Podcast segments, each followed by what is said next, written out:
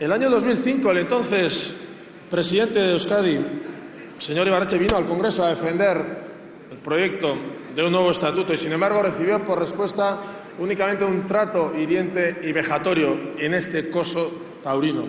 Por lo tanto, ha hecho bien Artur Mas en no venir, porque tanto él como la ciudadanía catalana saben bien que la partida ya no se juega en España, ya no se juega en Madrid, sino que se juega en Cataluña. Y hoy, como hace nueve años, el Gobierno, el Partido Popular, el Partido Socialista, el Estado español volverá a fracasar porque ni sus leyes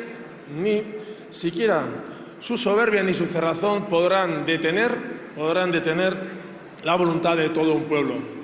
Hace nueve años no consiguieron convencer a la ciudadanía vasca y hoy tampoco convencerán a la ciudadanía catalana.